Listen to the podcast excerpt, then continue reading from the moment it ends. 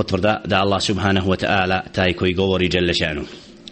ajeti kojima se upravo ističe to da Allah subhanahu wa ta'ala je taj koji govori kaže jalla šanu fi suratu nisa ومن أصدق من الله حديثا ومن أصدق من الله قيلا سورة النساء 87 i 122 ajet u kome je potvrda da Allah subhanahu wa ta'ala taj koji govori وَمَنْ أَصْدَقُ مِنَ اللَّهِ حَدِيثًا jer nema nikoga koji iskrenije govori govora govorom od Allaha subhana وَمَنْ أَصْدَقُ Afan, وَمَنْ asdaqu min Allahi qila I nema onoga isto tako koji iskrenije i ispravnije govori od Allaha subhanahu wa ta'ala. Ovi ajeti upravo potvrđuju da je Allah subhanahu wa ta'ala vlasni govora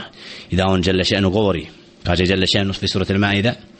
وإذ قال الله يا عيسى ابن مريم kada je rekao Allah subhanahu o Isa sinu Merjemin znači ovdje potvrda ajeta u kojima se ističe govor Allaha subhanahu wa ta'ala i da žele še'nu od njegovih svojstava jeste upravo govor minhum man kellama Allah u ajetu fi surati al-Baqara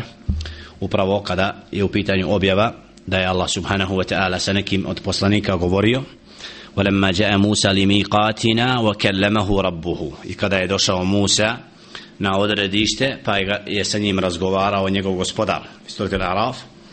u 143. ajetu ovdje vidimo potvrdu znači da Allah subhanahu wa ta'ala je razgovarao direktno sa Musaom alaihi salatu wassalam kada je upravo na Sinajskoj gori kada ga Allah subhanahu wa ta'ala pozvao i kada je upravo Jelle še'nuhu govorio sa njim kako potvrđuje fi surati Nisa wa kellam Allahu Musa takliman. Zaista Allah subhanahu wa ta'ala razgovarao govorom sa Musaom alaihi salatu wassalam. Znači ovi ajeti dokazuju govor stvoritelja subhanahu wa ta'ala i da je on taj Jelle še'nuhu koji upravo ima svojstvo govora Jelle še'nuhu.